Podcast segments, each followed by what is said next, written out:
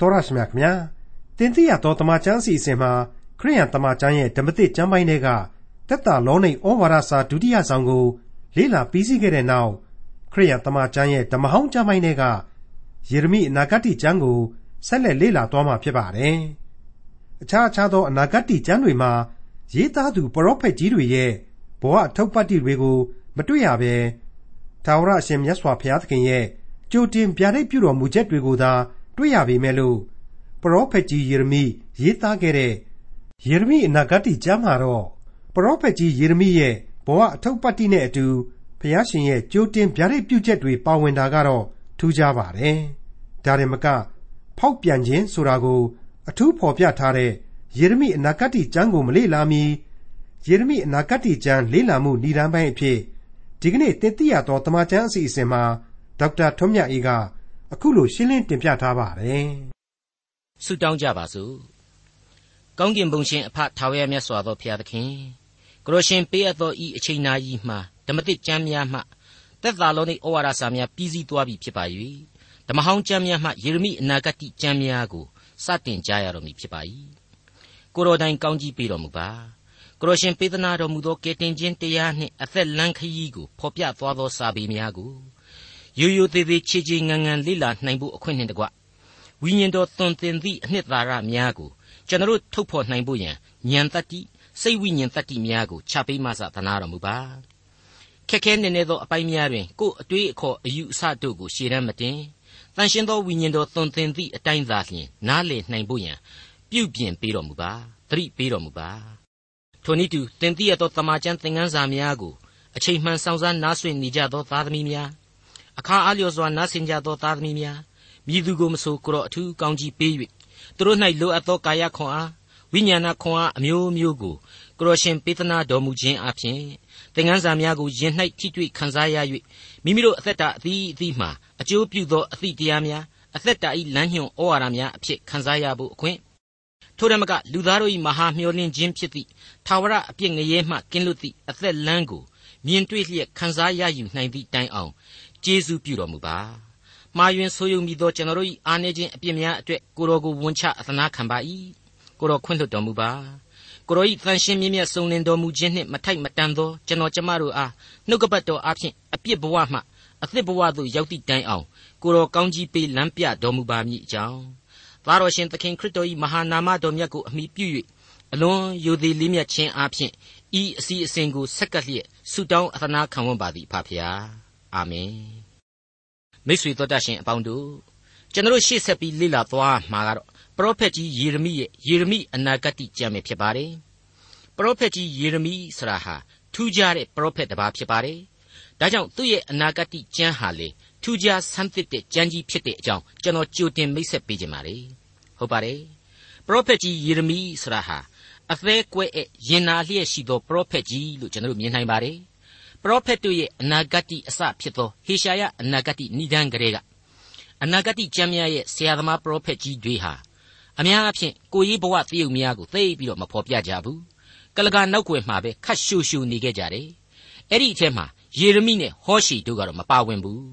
သူတို့ရဲ့ဘဝအထုပ်ပတ်တိတွေကိုသူတို့ရဲ့အနာဂတ်ကျမ်းစာပေတွေမှာအများကြီးတွေ့ရလိမ့်မယ်ဖော်ပြသွားလိမ့်မယ်ဆိုတာကိုကျွန်တော်တင်ပြခဲ့ပြီးပြီဖြစ်ပါတယ်ကောင်းတာပေါ့ အဲ့ဒီလိုသူ့ရဲ့ဘဝပုံလွှာသူ့ရဲ့အဖြစ်တစ်နှစ်တို့ကိုမြင်ရခြင်းထိတွေ့ရခြင်းအပြင်ပင်လျင်ဒီပရောဖက်ကြီးတယောက်တော့သူ့ကိစ္စကြီး तू ပြောနေတာပဲဆိုပြီးတော့အပြစ်မမြင်နိုင်ပဲနဲ့ဒီအနာဂတ်ကျမ်းတွေဟာအလွန်ကောင်းတဲ့ဝိညာဉ်အဖြေတွေကိုတောင်းမှပုံမိုးပြီးတော့ရရှိစေလိမ့်ဦးမယ်လို့ကျွန်တော်တို့တွေ့ရမှာဖြစ်ပါတယ်ဒီလိုကြောတော့နောက်ခံဖြစ်စဉ်တွေခံစားချက်တွေဟာဝိညာဉ်တော်ရဲ့ဖြည့်ဆည်းမှုအပြင်အနာဂတ်ကျမ်းတို့ရဲ့ဗျာဒိတ်တော်များကိုပုံမိုးအသက်ဝင်စေလိမ့်မယ် အလေးအနက်ထားလာစေလိမ့်မယ်အနှစ်သာရကြွယ်ဝစေလိမ့်မယ်ဆိုတာကိုကျွန်တော်တို့ခန်းစားကြည့်တွေ့ရမှာအကန့်အမှန်ပဲလို့ကျွန်တော်တင်ပြထားလိုပါတယ်ဒါကြောင့်မလို့လေသူ့ရဲ့အမည်နာမနဲ့ဖော်ပြထားတဲ့ယေရမိအနာဂတ်တီဆိုတာကိုအသေးမစိတ်ခင်မှာ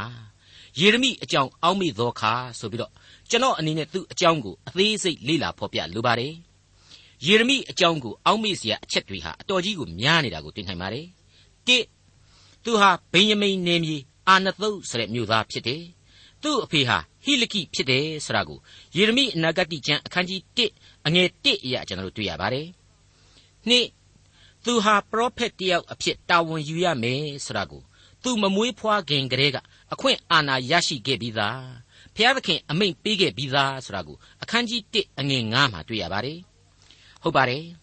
ထာဝရဘုရား၏အမိန့်တော်သည်ငါစီသို့ရောက်၍မိန့်တော်မူသည်ကား သင်ကိုအမိဝန်းထဲ၌ငါမဖန်ဆင်းမီသင်ကိုငါသိပြီ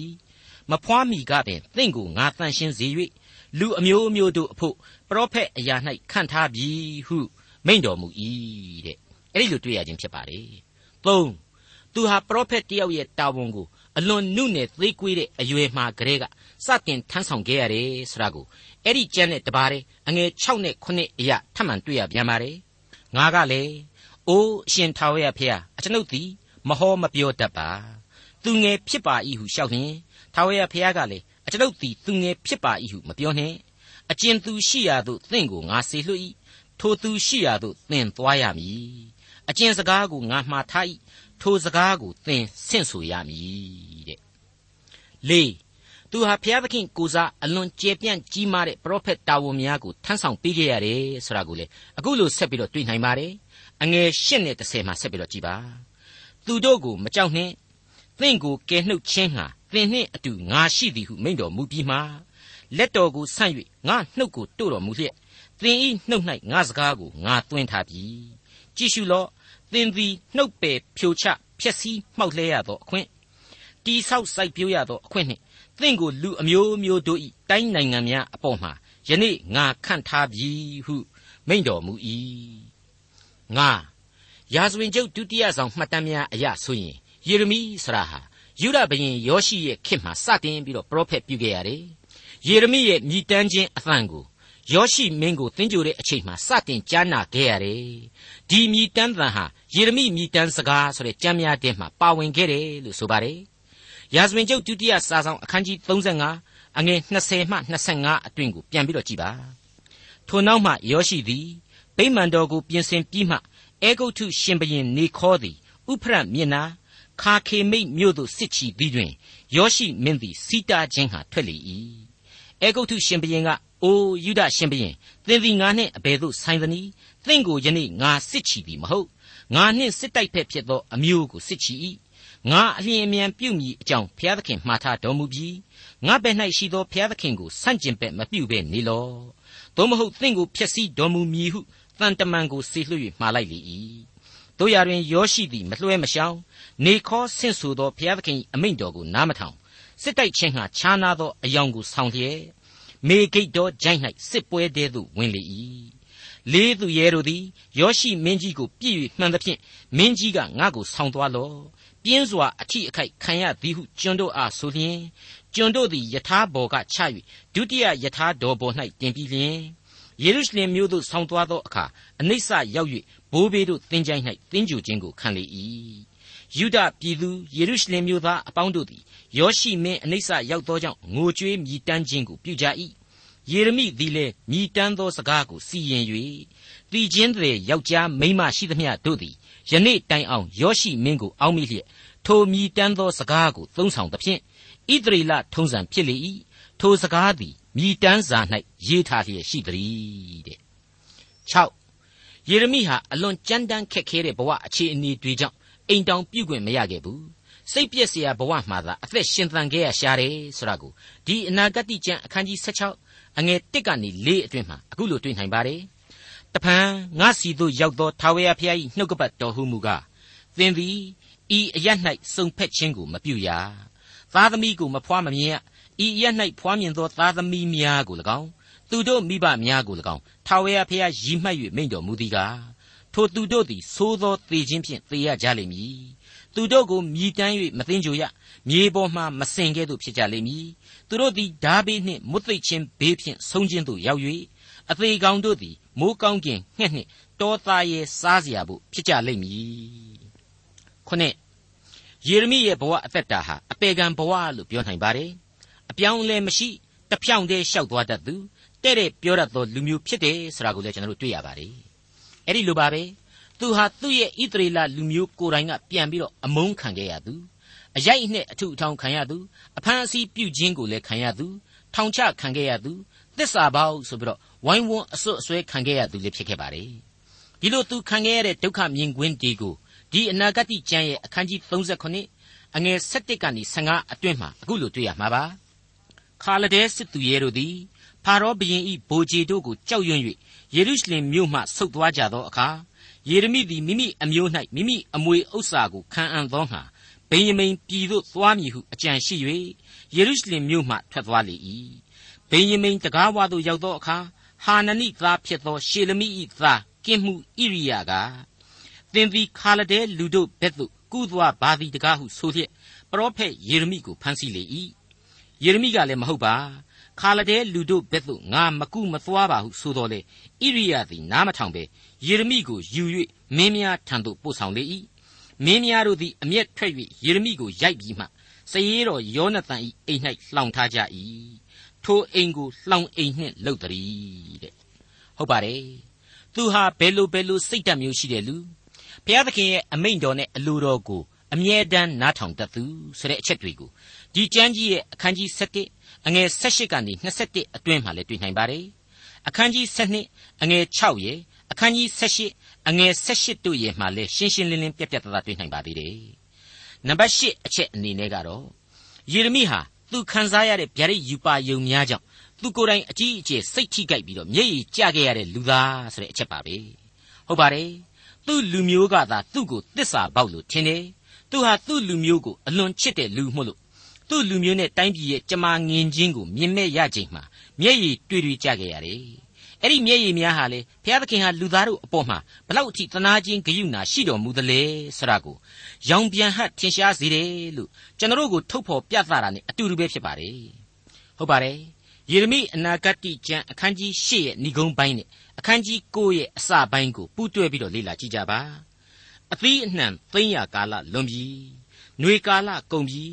ငါတို့သည်ကဲတင်ခြင်းသို့မရောက်ကြငါဤလူမျိုးတို့သမီးသည်နာသောကြောင့်ငါလည်းနာရ၏ကြမ်းတမ်းသောအဝတ်ကိုဝတ်လျက်မိန်မောတွေ့ဝေလျက်နေရ၏ဂိလတ်ပြည်၌ဘာလဇံပင်အစေးမရှိသလောထိုပြည်၌စေသမားမရှိသလောရှိလျက်ပင်ငါဤလူမျိုးတို့သမီးသည်အဘယ်ကြောင့်အနာမှမထမြောက်သနည်း ငါဤလူမျိုးတို့သမီးနှင့်ဆိုင်သောအသေးကောင်များအတွက်ငါသည်နေညံ့မပြတ်ငိုရမည်အကြောင်းငါဥကောင်းသည်ရေသက်သက်ငါမျက်စိတို့သည်မျက်ရည်ထွက်သောစမ်းဖြစ်ပါစေသောတဲ့မငင်းနိုင်ပါဘူးမိတ်ဆွေအဲ့ဒီလိုတွေ့ရတဲ့အချက်တွေးဟာယေရမိရဲ့အခြေခံစိတ်ဓာတ်များကိုပြသနေသလိုစီရင်တော်မူသောအမှုတော်များရဲ့ကြောက်မဲ့ဖွယ်နှက်ဆိုင်ခြင်းများနဲ့အတူအဖဖျားသခင်ရဲ့ကျင်နာတတ်ခြင်း မေတ္တာသဘောတော်စတဲ့အကြောင်းများကိုထင်ဟပ်ပေါ်လွင်နေစေတယ်လို့ကျွန်တော်ဆိုချင်ပါတယ်ကိုလူတွေကလူတစ်ယောက်သာဖြစ်တဲ့ယေရမိခမည်းမှာဒုက္ခဝေဒနာတွေကြောင့်ပရောဖက်အလုတ်ကနေထွက်ပြေးခြင်းအောင်ခံစားခဲ့ရတယ်။ဒါပေမဲ့ဘုရားသခင်ဟာခွင့်မပြုခဲ့ဘူးဆိုတာကိုအခန်းကြီး20အငယ်8နဲ့9မှာအခုလိုတွေ့နိုင်ပါတယ်။အကျွန်ုပ်သည်ဟောပြောလေရာရာ၌အနိုင်အထက်ပြုခြင်းညှင်းဆဲခြင်းအမှုကြောင့်အော်ဟစ်၍ကြွေးကြော်ရပါ၏။ ထာဝရဘုရား၏နှုတ်ကပတ်တော်သည်အကျွန်ုပ်၌ကဲ့ရဲ့ခြင်းအစဉ်ပြည့်ပြည့်ခြင်းကိုခံเสียအကြောင်းဖြစ်ပါ၏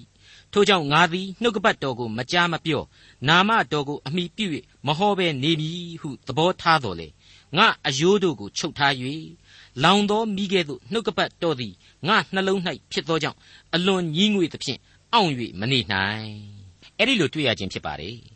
30ယေရမိဟာယေရုရှလင်မြို့တော်ကြီးအဖြစ်အစည်းခံရတာ လူမျိုးတော်ဖြစ်တဲ့တောင်ဘက်ဣသရေလခေါ်ယူဒတို့ကိုဘာဘူးလုံတွေကကြုံပြူပြီးတော့ဖမ်းဆီးခေါ်ဆောင်သွားတာကိုလည်းကြုံရပါတယ်ဘာပဲပြောသူဟာအမိဣသရေလနိုင်ငံမှာကြံရစ်ဖို့ဘာဘူးလုံစစ်သူကြီးကအခွင့်ပြုပြီးတော့ခြံထားခဲ့တဲ့အတွက်ကြောင့်ကျွန်တယောက်အဖြစ်ပါမသွားခဲ့ပါဘူးအဲ့ဒီနောက်တခြားကြံရစ်သူများကအေဂုတ်ထုကိုထွက်ပြေးခြင်းတဲ့အခါကျတော့သူဟာပရောဖက်တယောက်အနေနဲ့တာဝန်ရှိရှိတားမြစ်တယ်အဲ့ဒီလိုတိုင်းပြည်ကိုစွန့်ကျင်သူတို့အတွက်ကြောက်မဲ့ဖွယ်အနာဂတ်တွေကိုဟောကြားတယ် ဒါပေမဲ့နောက်ဆုံးကျတော့အဲ့ဒီလူတွေနဲ့သူပါအတင်းအကျပ်မလိုက်မနေရလိုက်ပါသွားရပြီးတော့အဲ့ဒီအေဂုတ်ထုနိုင်ငံမှာပဲသူဟာသေဆုံးကွယ်လွန်ခဲ့ရပါတယ်မိတ်ဆွေအဲ့ဒီလိုကျွန်းနိုင်ငံတော့ကျွန်းနိုင်ငံပဲဘာပဲဖြစ်ဖြစ်ကိုယ့်ရဲ့ဇာတိမြေကြီးဖြစ်တဲ့ဣသရေလကိုစွန့်ပြီးတော့အေဂုတ်ထုခေါ်အီဂျစ်ကိုသွားမယ်ဆိုရင်ဘယ်လိုတွေဖြစ်ကုန်မယ်ဆိုတာကိုယေရမိဟာအခန်းကြီး42အငယ်15ကနေစပြီးတော့အခုလိုဖော်ပြခဲ့ပါတယ်ကြံကျွင်းသောယူရအမျိုးသားတို့ ထာဝရဘုရား၏အမိန့်တော်ကိုကြားကြလော့ဣသရေလအမျိုး၏ဘုရားသခင်ကောင်းကင်ဘိုးကြီးအရှင်ထာဝရဘုရားမိန့်တော်မူသည်ကားသင်တို့သည်အေဂုတ်ထုပြည်သို့သွားခြင်းဟာကြက်ကြက်မျက်နှာပြုလျက်ထိုပြည်သို့အမှန်သွား၍တဲခိုလျင်သင်တို့ကြောက်သောဓာဘေးသည်အေဂုတ်ထုပြည်၌သင်တို့ကိုမှီလိမ့်မည်သင်တို့ကြောက်သောမွတ်သိပ်ခြင်းဘေးသည်လည်းအေဂုတ်ထုပြည်၌သင်တို့ကိုကြက်ကြက်လိုက်၍ထိုပြည်၌သင်တို့သည်သေကြလိမ့်မည်အေဂုတ်ထုပြည်သို့သွား၍တဲခိုခြင်းဟာမျက်နာပြုသောသူအပေါင်းတို့သည် ဒါဘေးမွတ်သိပ်ခြင်းဘေးကာလနာဘေးတို့ဖြင့်သေကြလိမ့်မည်သူတို့အပေါ်သို့ငါရောက်စေသောဘေးဒဏ်နှင့်တယောက်မျှမလွတ်ရကြံကျွင်းသောလူတယောက်မျှမရှိရအဲ့ဒီလိုဘုရားသခင်ဟာယေရမိကနေတဆင့်ကြိုတင်ပြီးတော့အနာဂတ်ပြုခဲ့ပါတယ်ဒါကိုဣသရေလလူမျိုးတွေဟာကန္နကောစလုပ်ပြီးတော့နောက်ဆုံးကျတော့အေဂုတ်ထုကိုပြေးပြအောင်ပြေးခဲ့ကြတယ် အဲ့ဒီပြိဿတ်ထဲမှာယေရမိကန့်လန့်ကန့်လန့်ပါဝင်နေခြင်းအပြင်သူ့ကိုဒီလူမျိုးတော်ဟာအနိုင်ကျင့်ပြီးဆွဲခေါ်သွားခဲ့တာပဲဆိုတာကိုအကဲဖြတ်နိုင်လောက်ပါတယ်ဟုတ်ပါတယ်ယေရမိအနာဂတိကျမ်းအခန်းကြီး53အငယ်1ကနေ9အတွင်းမှာယေရမိအေဂုတ်ထုကိုရောက်ခဲ့တဲ့မှတ်တမ်းကိုကျွန်တော်တို့ပြန်ပြီးတော့တွေ့နိုင်ပါတယ်မိတ်ဆွေအပေါင်းတို့ဒါတွေဟာသူကိုယ်တိုင်ရေးသားခဲ့တဲ့အနာဂတ်မှတ်တမ်းများကဖော်ပြနေတဲ့သူ့ရဲ့ဘဝဖြစ်စဉ်တွေပဲဖြစ်ပါတယ် သူ့ရဲ့သေရာအရက်ဟာအေဂုတ်ထုနိုင်ငံမြေဖြစ်တယ်ဆိုတာကိုအတော်ခိုင်ခိုင်လုံသိထားရပါတယ်ဒီသေခြင်းဟာလေသမယိုးကြသေခြင်းမဟုတ်တော့ဘူးသူ့ကိုအကြမ်းဖက်ခေါ်သွားတဲ့ဣသရေလလူမျိုးတော်အုပ်စုကပဲသူ့ကိုဝိုင်းသတ်ခဲ့ကြတယ်လို့ပြောထုံးစကားများအရာကျွန်တော်တို့သိရပါတယ်အလွန်တနာစရာကောင်းတဲ့ပရောဖက်ကြီးတစ်ပါးပဲလို့ဆိုပြရစီဟုတ်ပါတယ်အလွန်ဂုံမြောက်တဲ့အနာဂတ်ဆရာကြီးပရောဖက်ယေရမိဟာအသက်ပြော့တဲ့မျက်ရည်ပိုင်ရှင်ပဲလို့သုံးသပ်နိုင်ပါတယ် အဲ့ဒီလိုအသံတုံနေတဲ့လူမျက်ရည်အမြဲတမ်းကျနေတဲ့လူမျိုးရဲ့ပြော့တဲ့အသေးခန်းစားချက်ပိုကဲတဲ့နှလုံးသားမျိုးကိုမှဘုရားသခင်ဟာဓမ္မသမိုင်းတစ်ခေတ်မှာအသုံးပြုပေးခဲ့ပါတယ်ကျွန်တော်တို့လူသားတွေအမြင်မှာဆိုရင်ဒီလောက်အထိသေရေးရှင်ရေးတမျှအခြေအနေဆိုးကြီးဆက်ရောက်နေတဲ့အချိန်မှာဒီလိုအမေကြီးအိုလေးလိုလူတစ်ယောက်မျိုးကိုမသုံးမဲနဲ့ရဲရဲတောက်သူရဲကောင်းကြီးမျိုးကိုသာဒီယာရုမျိုးအတွက်မဲထည့်ကြမှာပဲလို့တွေးเสียရှိပါတယ်ဖျားသခင်ကတော့ယေရမိကိုမှသုံးပြစ်အောင်အသုံးပြုခဲ့ပါတယ် Lord Macaulay ဆိုတဲ့ပုဂ္ဂိုလ်ကြီးက Prophet ယေရမိဆိုတာဟာစံမတူလောက်အောင်ဒုက္ခဝေဒနာခံပြီးတော့အမှုတော်ကိုဆောင်သွားခဲ့ရတာပါဆိုပြီးတော့ဝေဖန်ထားပါတယ်ဆက်ပြီးတော့ဖော်ပြရမှာယေရမိဆိုတာဟာသူချစ်တဲ့နိုင်ငံနဲ့လူမျိုးရဲ့အခြေအနေဇိုးကြီးတွေကိုယူပါယုံမှလည်းမြင်တယ်လက်တွေ့လည်းလက်ပိုက်ကြည့်နေရတဲ့လူတစ်ယောက်ဖြစ်ခဲ့တယ်ရှင်သန်မှုအလုံးစုံတို့တစတစကွယ်ပြောက်သွားပြီးတော့နောက်ဆုံးအမှောင်ကြီးကျလာတာကိုရင်ဆိုင်သွားရသူဖြစ်တယ် သူ့ဘဝဟာကျိန်စာသင့်နေတယ်လို့ကြီးပဲလို့ဝေဖန်ခဲ့ပါတယ်အဲ့ဒီလိုပါပဲ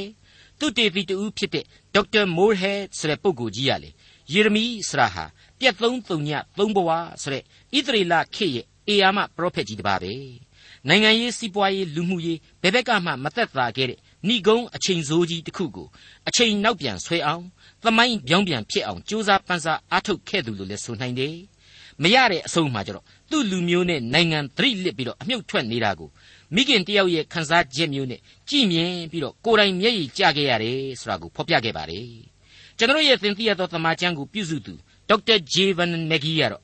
အင်မတန်တိုးတက်ထွန်းကားနေတဲ့သူနေထိုင်ရာအမေရိကန်လူအဖွဲ့အစည်းဟာသိပ္ပံနည်းကျအပေါင်းလက္ခဏာတွေကြောင့်အကြီးအကျယ်ဝန်သာအားရဖြစ်နေကြတာမှန်တယ်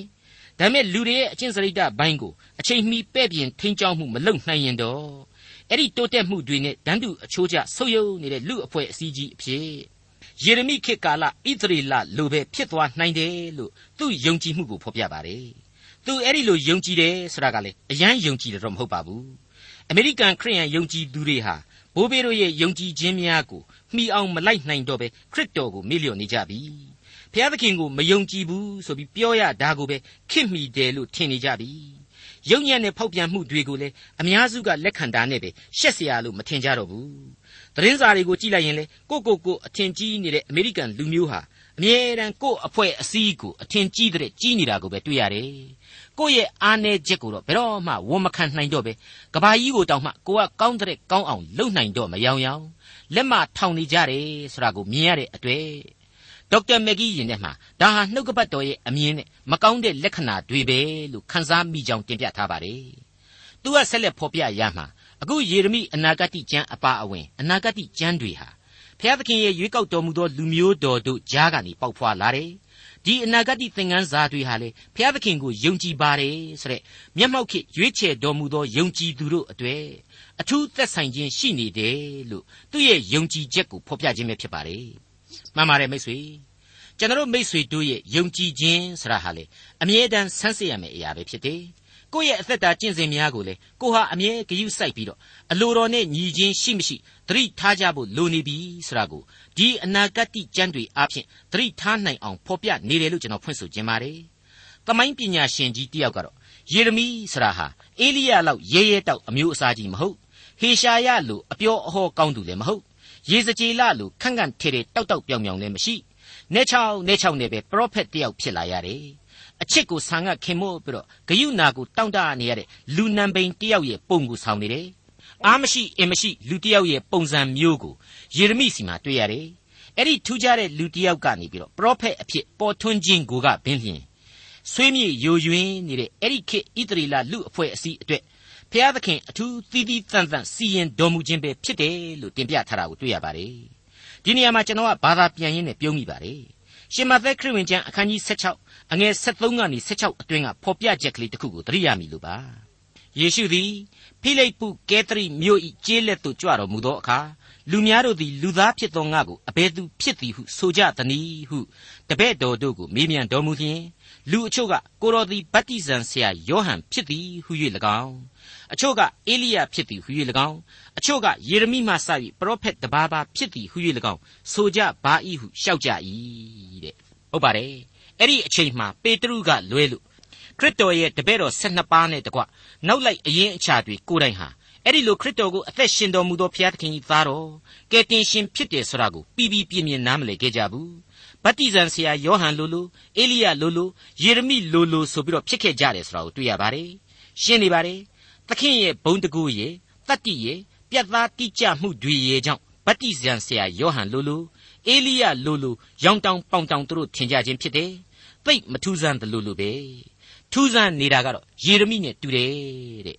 ဘာများထူးဆန်းတယ်လဲဆိုတာကိုတော့မိษွေတို့စဉ်းစားကြည့်ပါသခင်ဟာအထက်ကဖော်ပြခဲ့တဲ့အာနေနေသောဘဝတရုပ်ကိုအကြိမ်ကြိမ်ဆောင်ခဲ့ရရှာတယ်အထူးသဖြင့်ဒါဝိမင်းကြီးဖော်ပြခဲ့တဲ့66ခုမြောက်သောဆာလံပီခြင်းအရာဆိုရင်ကယ်တင်ရှင်သခင်ခရစ်တော်အကြောင်းကိုကြိုတင်ပြီးတော့ဗျာဒိတ်ပြုထားတဲ့အထက်မှာအကျွန်ုပ်သည်ကဲ့ရဲ့ခြင်းကိုခံရပါ၏အကျွန်ုပ်မျက်နှာသည်ရှက်ခြင်းနှင့်ပြည့်စုံပါ၏ညီအကိုတို့တွင် လူစိမ့်ဖြစ်ခဲ့ပါပြီတမိတဲပေါက်သောပေါက်ဖော်တို့တွင်တကြွန်းတနိုင်ငံသားဖြစ်ခဲ့ပါပြီကိုရောဤအိမ်တော်၌ဆွဲလန်းပူပန်ခြင်းစိတ်သည်အကျွန်ုပ်ကိုစားပါ၏ အကျွန်ုပ်သည်ငိုကြွေး၍စိတ်နှလုံးပါလျက်အစာရှောင်သောအကျင့်ကြောင့်ပင်ကဲ့ရဲ့ခြင်းကိုခံရပါ၏ရှော့တေအဝတ်ကိုဝတ်သောအခါသူတို့သည်သေရောတတ်ကြပါ၏ယုံ၌ထိုင်သောသူတို့သည်အကျွန်ုပ်တစ်ဖက်မှပြောဆို၍သေသောကျူးတို့သည်အကျွန်ုပ်ကိုအကြောင်းပြုလျက်တေးဖွဲ့၍ဆိုတတ်ကြပါ၏အဲ့ဒီလိုကယ်တင်ရှင်သခင်ခရစ်တော်ရဲ့လူဘဝဇာတိခံယူခြင်းအသက်တာမှာဘလောက်အထိဒုက္ခအခက်အခဲတွေတွေ့ကြရမယ်မျက်နှာငယ်ခဲ့ရမယ်ဆိုတဲ့အချက်တွေကိုဖော်ပြထားတာကိုတွေ့နိုင်ပါတယ် ဒီတော့ယေရမိရဲ့ဘဝပုံလွှာတို့ကိုသခင်စီမှာတွေ့ရတဲ့ပြင်ပသဏ္ဍာန်တွေလူစားတိလက္ခဏာတွေနဲ့လူသားဟာသွားပြီးတော့ဆက်ဆက်တွေးခေါ်မိတယ်။ရန်တန်ပန်တန်ပြီးတော့သခင်ဟာပရောဖက်ကြီးယေရမိများဖြစ်နေလေမလားမသိဘူးဆိုပြီးတော့ထင်ကြီးပေးလိုက်ကြောင်းရှင်းနေပါလေ။ဒါပေမဲ့ကယ်တင်ရှင်သခင်ခရစ်တော်ခံစားရဝေဒနာတွေကတော့ယေရမိဆိုတဲ့လူတစ်ယောက်နဲ့ဘာမှမဆိုင်ကပ္ပသမိုင်းတစ်ခုလုံးရဲ့အပြစ်တွေကို ယူတင်ဝတ်ဆောင်ထားရတဲ့အလွန်ခါးသီး၍နာကျင်ပွေသောဝေဒနာများဖြစ်ခဲ့မှာအသေးအချာပဲဆိုတာကိုကျွန်တော်နားလည်ထားဖို့လိုပါတယ်။သခင်ရဲ့ကားတိုင်းလမ်းမှာသခင်ခံစားရတဲ့ဝေဒနာတွေကိုဘယ်လူသားတဦးတယောက်ရဲ့ခံစားချက်နဲ့မှနှိုင်းဆလို့မရနိုင်ကြောင်းလေးစားစွာတင်ပြခြင်းပါတယ်။ယေရမိအနာဂတ်ကျမ်းမှာလွှမ်းမိုးနေတဲ့ဝေါဟာရကတော့ဖောက်ပြန်ခြင်းဆိုတဲ့ဝေါဟာရဖြစ်ပါတယ်။အဲ့ဒီဖောက်ပြန်ခြင်းအကြောင်းကို သူဟာသူ့ရဲ့အနာဂတ်အတွင်းမှာ73ကြိမ်တိုင်တိုင်ဖော်ပြသွားမှာဖြစ်ပါတယ်။ပြီးတော့ဒီကျမ်းကိုနောက်ထပ်လွှမ်းမိုးနေတဲ့အမည်နာမတစ်ခုရှိပါတယ်။အဲ့ဒါကတော့ဘာဘူးလုံဆိုတဲ့အမည်ဖြစ်ပါတယ်။ဘာဘူးလုံဆိုတဲ့အမည်နာမကိုယေရမိအနာဂတ်မှာ164ကြိမ်တိုင်တိုင်ဖော်ပြသွားမှာဖြစ်ပါတယ်။မိတ်ဆွေပေါင်းတို့ခမညာခါချိနေတဲ့ဣတရီလလူအဖွဲ့အစည်းအတွင်းကအသေးကွဲနေရသူပရောဖက်ယေရမိရဲ့စိတ်သက်ကြဆင်းခြင်းစရာအနာဂတ်တွေကိုဣတရီလတွေဟာဘယ်လိုတုံ့ပြန်ခဲ့ကြသလဲ။ အကယ်၍ကျွန်တော်တို့ကိုသာလာပြောမယ်ဆိုရင်ရောကျွန်တော်တို့ဘယ်လိုများတုံ့ပြန်ကြမှာလဲသစ္စာတရားတဲ့အလှတရားကိုသာတန်ဖိုးထားတဲ့လူသမိုင်းမှာဘာတွေလိုအပ်နေသလဲဆိုတာကိုအလေးအနက်ဆင်ခြင်သုံးသပ်နိုင်စေဖို့ရန်အတွက်ယေရမိအနာဂတ်ကျမ်းဟာကျွန်တော်တို့ကိုစောင့်မျှော်နေပါတယ်ဝိညာဉ်ခွန်အားအပြည့်အဝနဲ့ဆက်လက်လေ့လာကြရအောင်ပါဒေါက်တာထွန်းမြတ်၏စီစဉ်တင်ဆက်တဲ့တင်ပြတော်တမချန်းအစီအစဉ်ဖြစ်ပါတယ်နောက်တစ်ချိန်အစီအစဉ်မှာခရိယံတမချန်းရဲ့ဓမ္မဟောင်းကျမ်းပိုင်းတွေက ယေရမိအနာဂတ်ကျမ်းအခန်းကြီး1အခန်းငယ်1ကနေအခန်းငယ်9အထိကိုလေ့လာမှဖြစ်တဲ့အတွက်စောင့်မျှော်နားဆင်နိုင်ပါတယ်။